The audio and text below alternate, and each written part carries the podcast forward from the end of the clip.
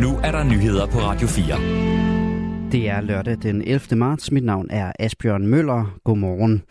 Mange danske TikTok-brugere overvejer at slette appen fra deres telefoner. Det viser en måling, som Analyseinstituttet Voxmeter har lavet for Ritzau. Godt 18 procent af danskerne, som bruger appen, overvejer, om de skal slette den. 4 procent har allerede slettet den, mens 55 procent ikke overvejer at slette den. Center for Cybersikkerhed frarådede i februar ansatte i staten at have appen installeret på tjenestlige enheder, men der er endnu ikke kommet nogen anbefaling til helt almindelige danskere.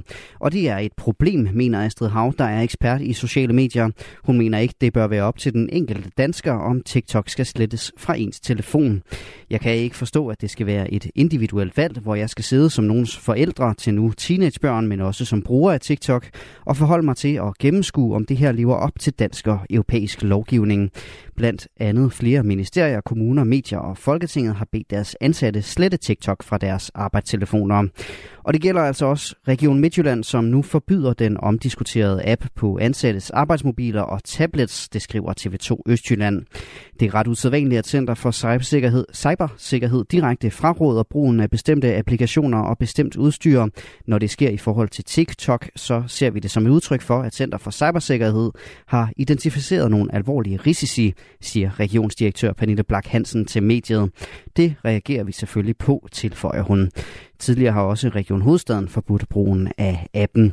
Og TikTok er udviklet og ejet af det kinesiske selskab ByteDance. Selskabet mistænkes for omfattende indsamling af brugernes data og for at videregive data til styret i Kina. Det har selskabet selv afvist. 161 husdyr mistede sidste år livet på grund af ulveangreb. Det fremgår af en ny opgørelse fra Miljøstyrelsen. Malu Freimand fortæller. Det var primært for og lam, der blev bytte for ulven ved de i alt 32 bekræftede ulveangreb sidste år. Året før var der 16 ulveangreb med 78 dræbte husdyr til følge. Men antallet af registrerede ulve er også steget fra 14 til 29 ved udgangen af 2022. I Miljøstyrelsen hæfter specialkonsulent Lasse Jensen sig ved, at der ikke er registreret angreb bag såkaldte ulvesikrede hegn. Heldigvis viser årets opgørelse som tidligere år, at der ikke har været et eneste tilfælde af angreb på husdyr bagved korrekt opsatte ulvesikrede hegn.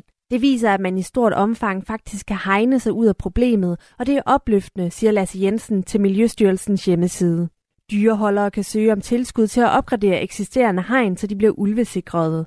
Det gælder områder, hvor Miljøstyrelsen vurderer, at risikoen for ulveangreb er særlig stor.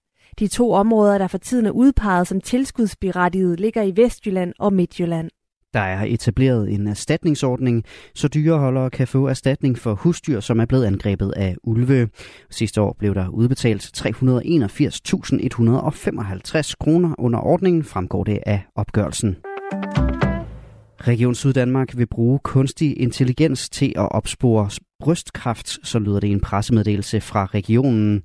Der er udbredt mangel på radiologer og radiografer til at analysere mammografibilleder, der tages ved screening for brystkræft.